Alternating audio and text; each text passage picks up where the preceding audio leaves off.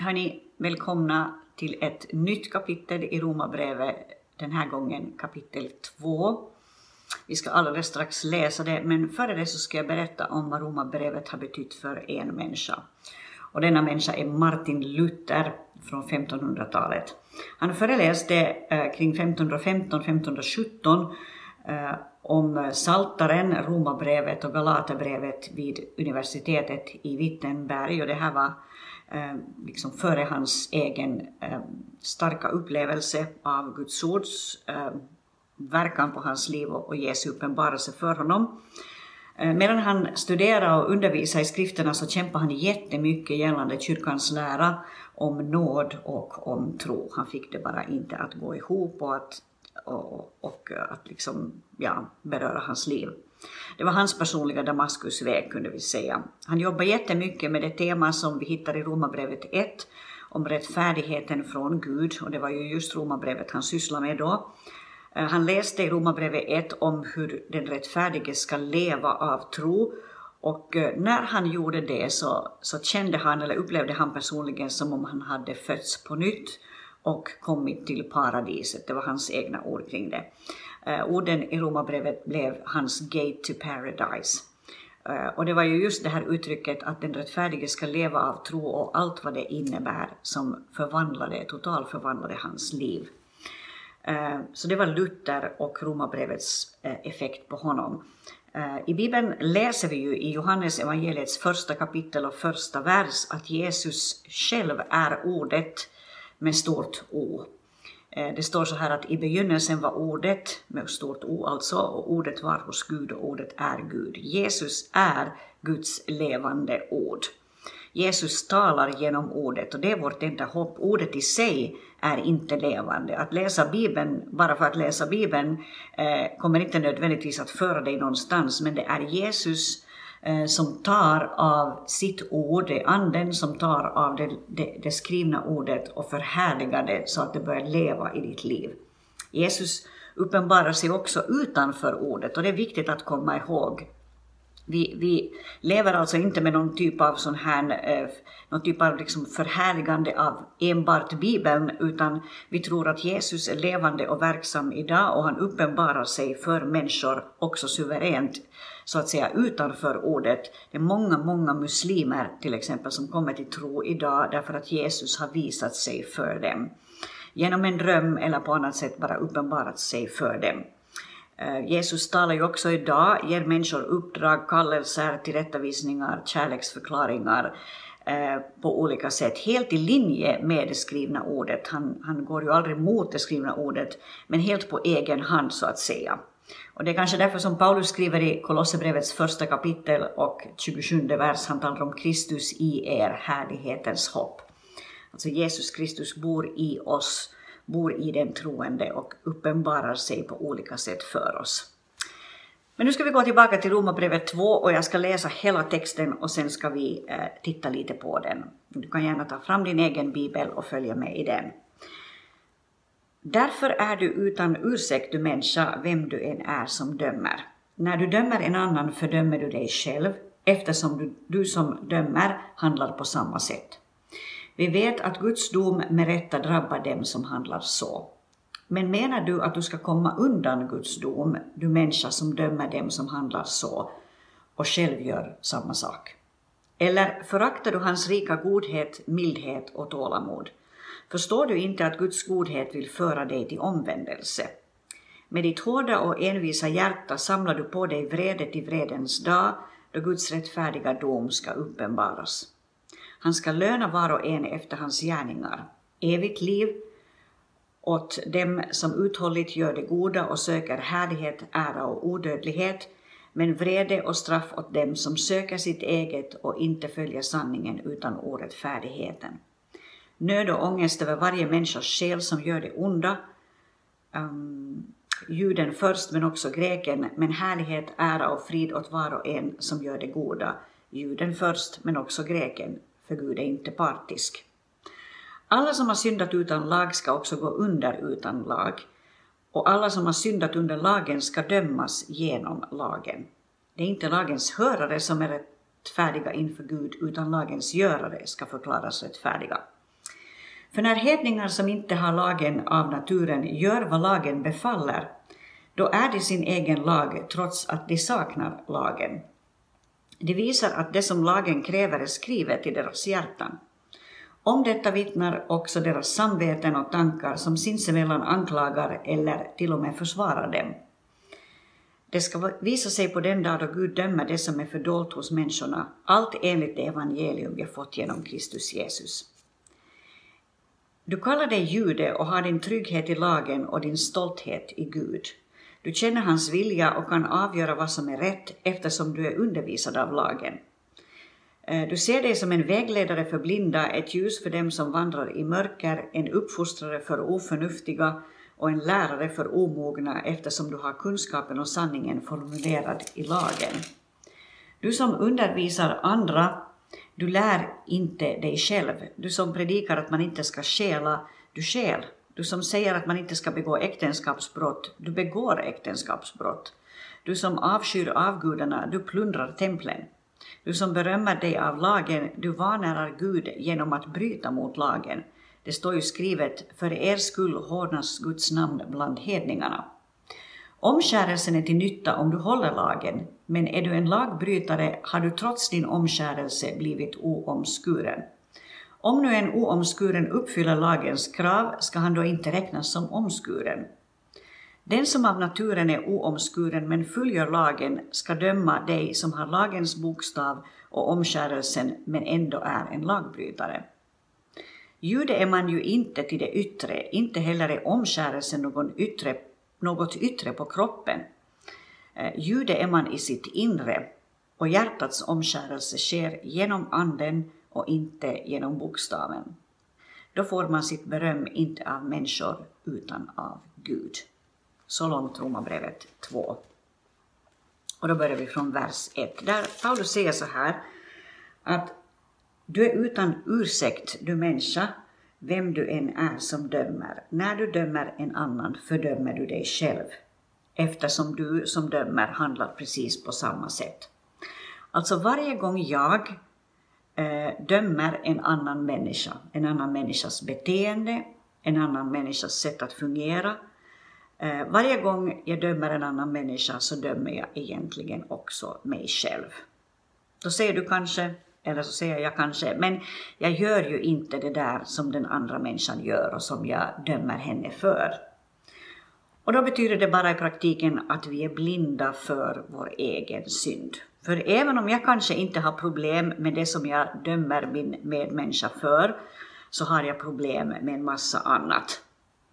Eh, problemet med fariseerna på Jesu tid eh, var ju det att Eh, Eh, de, eh, och Jesus kallar ju dem vitkalkade väggar. Eh, problemet med dem var ju att de såg andra människors synd, de såg de prostituerades synd, de såg människors synd, men de såg inte sin egen. Och vi hittar det mesta av synder i Paulus syndakatalog, om vi skulle kalla den så, i Romarbrevet 1, det som vi läste förra veckan. Vi hittar en massa saker där från det ena till det andra. Det fanns ju där i slutet, jag kan bara citera det på nytt. Eh, jag tar från vers 29 i Romarbrevet 1. De har blivit fyllda av all slags orättfärdighet, ondska, girighet, elakhet. Eh, de är fulla av avund, modlust, stridslystnad, svek och illvilja, skvallrar och förtalar. Eh, de är påhittiga i det onda och olydiga mot sina föräldrar.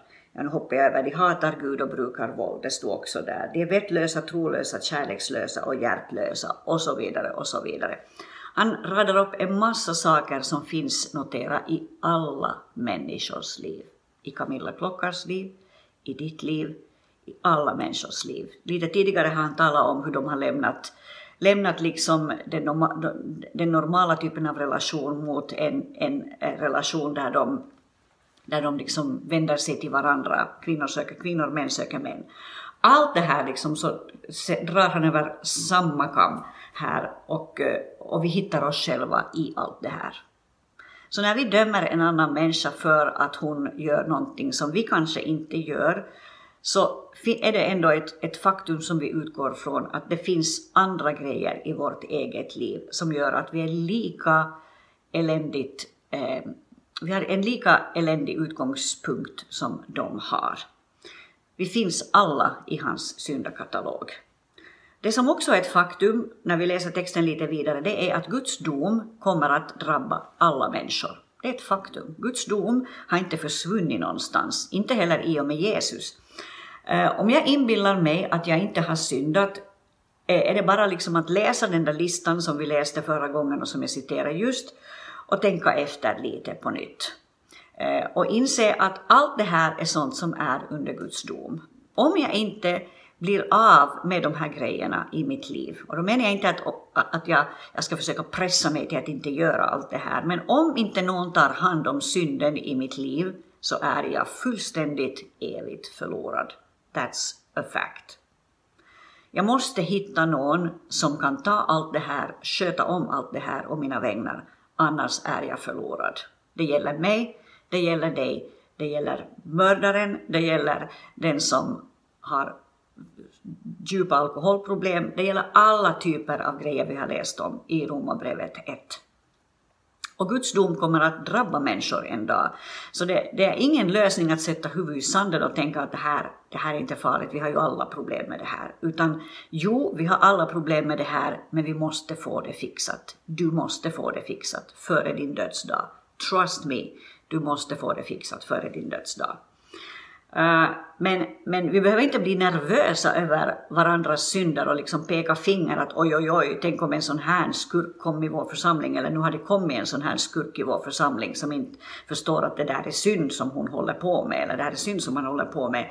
Det är liksom en totalt onödig väg att gå, en förskräcklig väg att gå för vi behöver bara sätta upp spegeln framför vårt eget ansikte och hitta något annat som kanske är sju gånger värre. Trust me. Så länge har jag jobbat i församling lite mer än 30 år så har jag sett en hel del skräckexempel och jag menar inte att vara elak, jag ser skräckexempel i mitt eget liv varje dag också. Men vi har all orsak att knipa käft. Ursäkta mitt vulgära språk men jag kan inte säga det något mera tydligt. Vi har all orsak att knipa käft om varandras synder för vi har alla problem med det. Eh, när jag studerade teologi på 1990-talet, fruktansvärt länge sedan, så hade vi Göran Hellberg um, Eh, som då var sån här sportpräst. Eh, han undervisade oss i själavård och det enda jag minns att han sa, det var det här eh, att, att han, han ville ge oss ett råd när det gäller själavård och när vi sitter som präster och, och tar emot människor som kommer för att bekänna allt möjligt för oss eller berätta om allt förskräckligt i deras liv.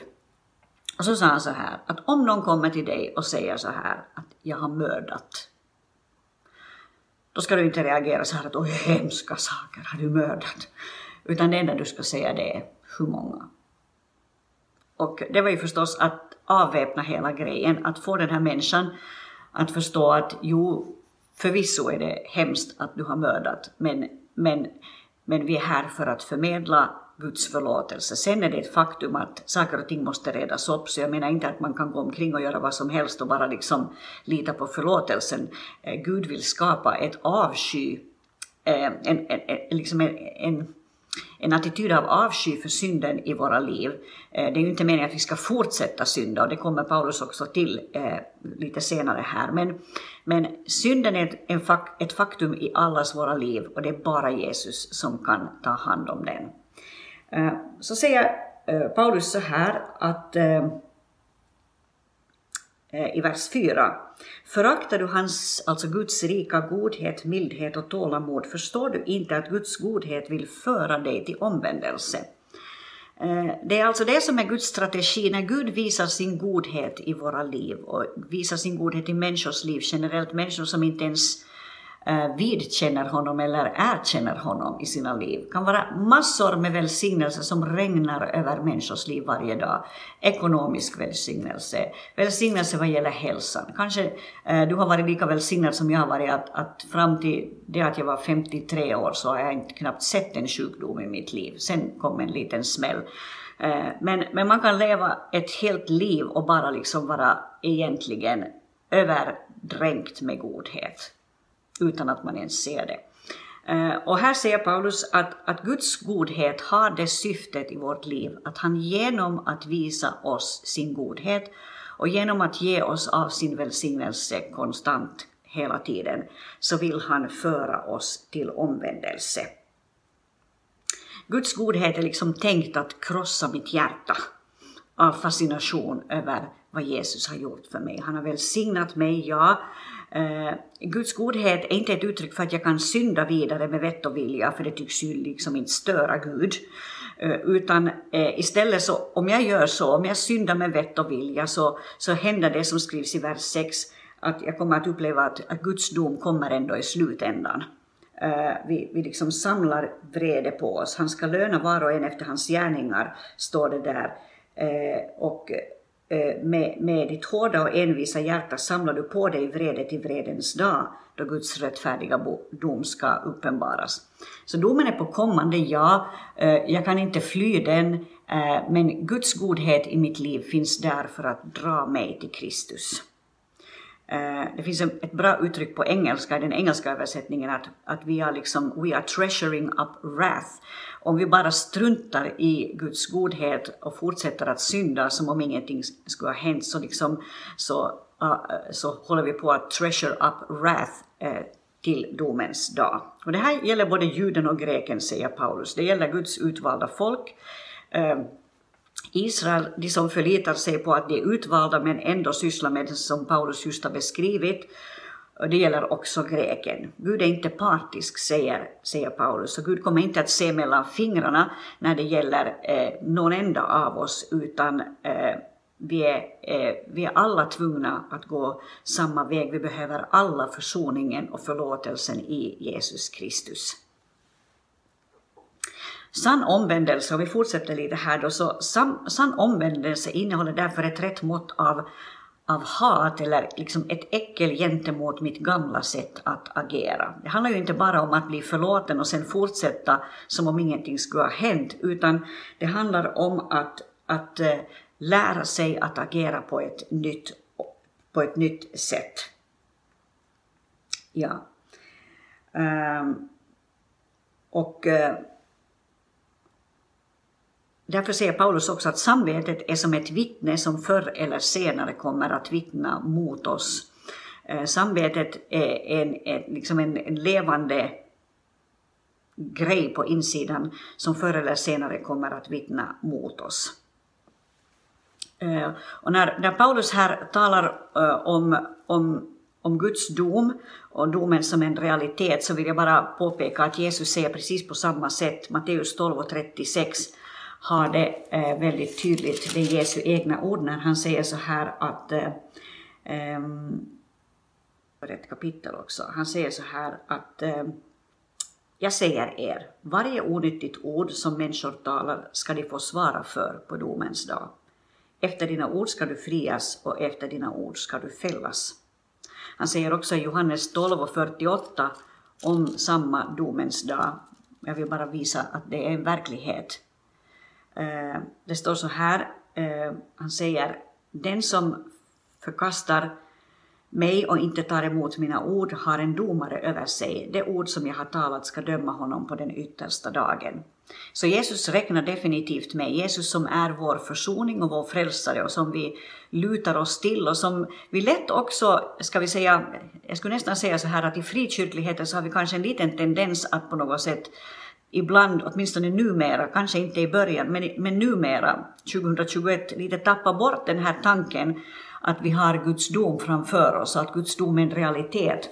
Jag tycker att det är viktigt att vi håller fast vid den, att vi ser den att, att synden är en allvarlig sak hos Gud och vår kallelse som, som en frikyrklig Eh, ton i den här världen är inte bara att predika om Guds kärlek och att Gud är god och att Gud förlåter, utan att, att vi har som människor en skyldighet verkligen att göra bättring inför Gud, därför att Guds dom är en realitet.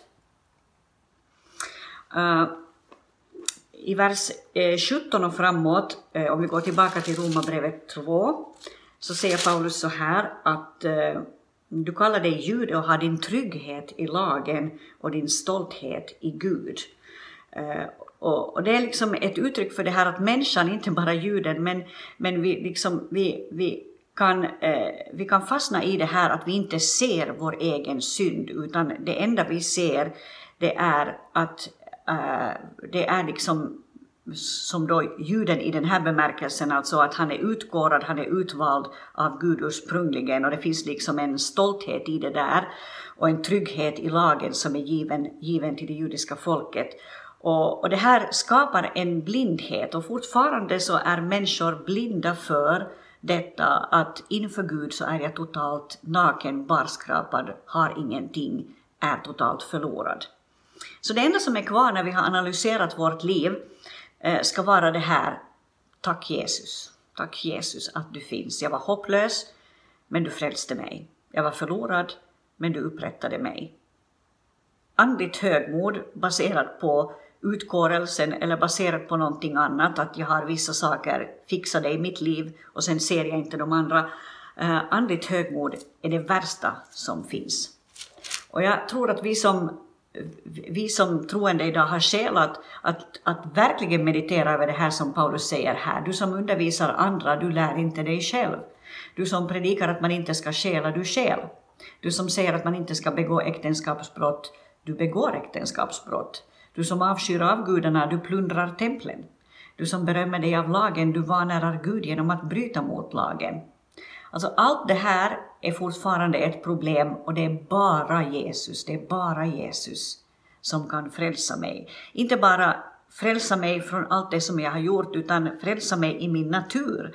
Omskapa min natur, omskapa mitt inre, förvandla mig på insidan så att jag blir en annan människa.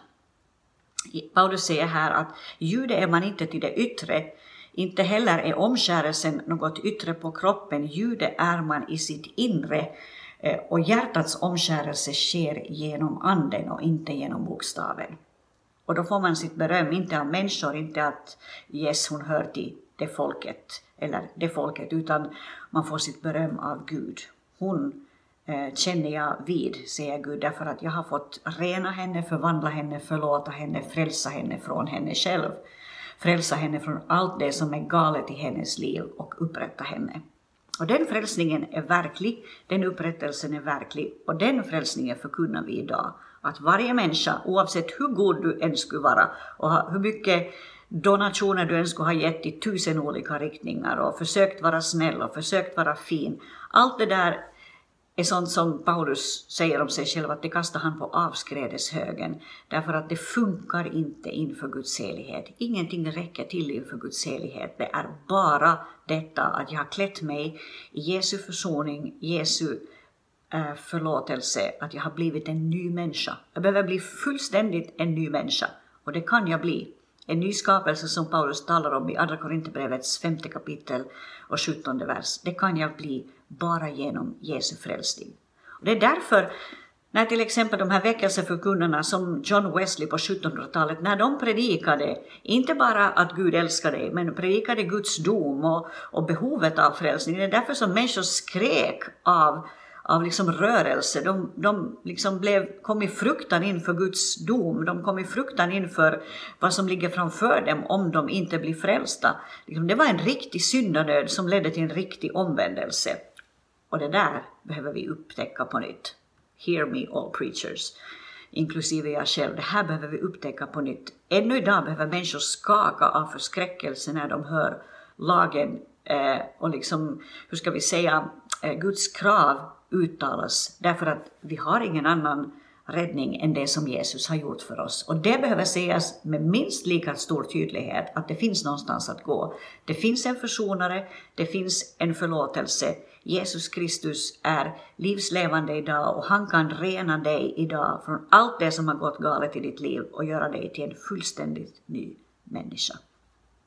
En ny människa som inte är stolt på grund av sig själv utan som är ödmjuk som ett litet lamm därför att man vet utgångsläget varifrån man har kommit.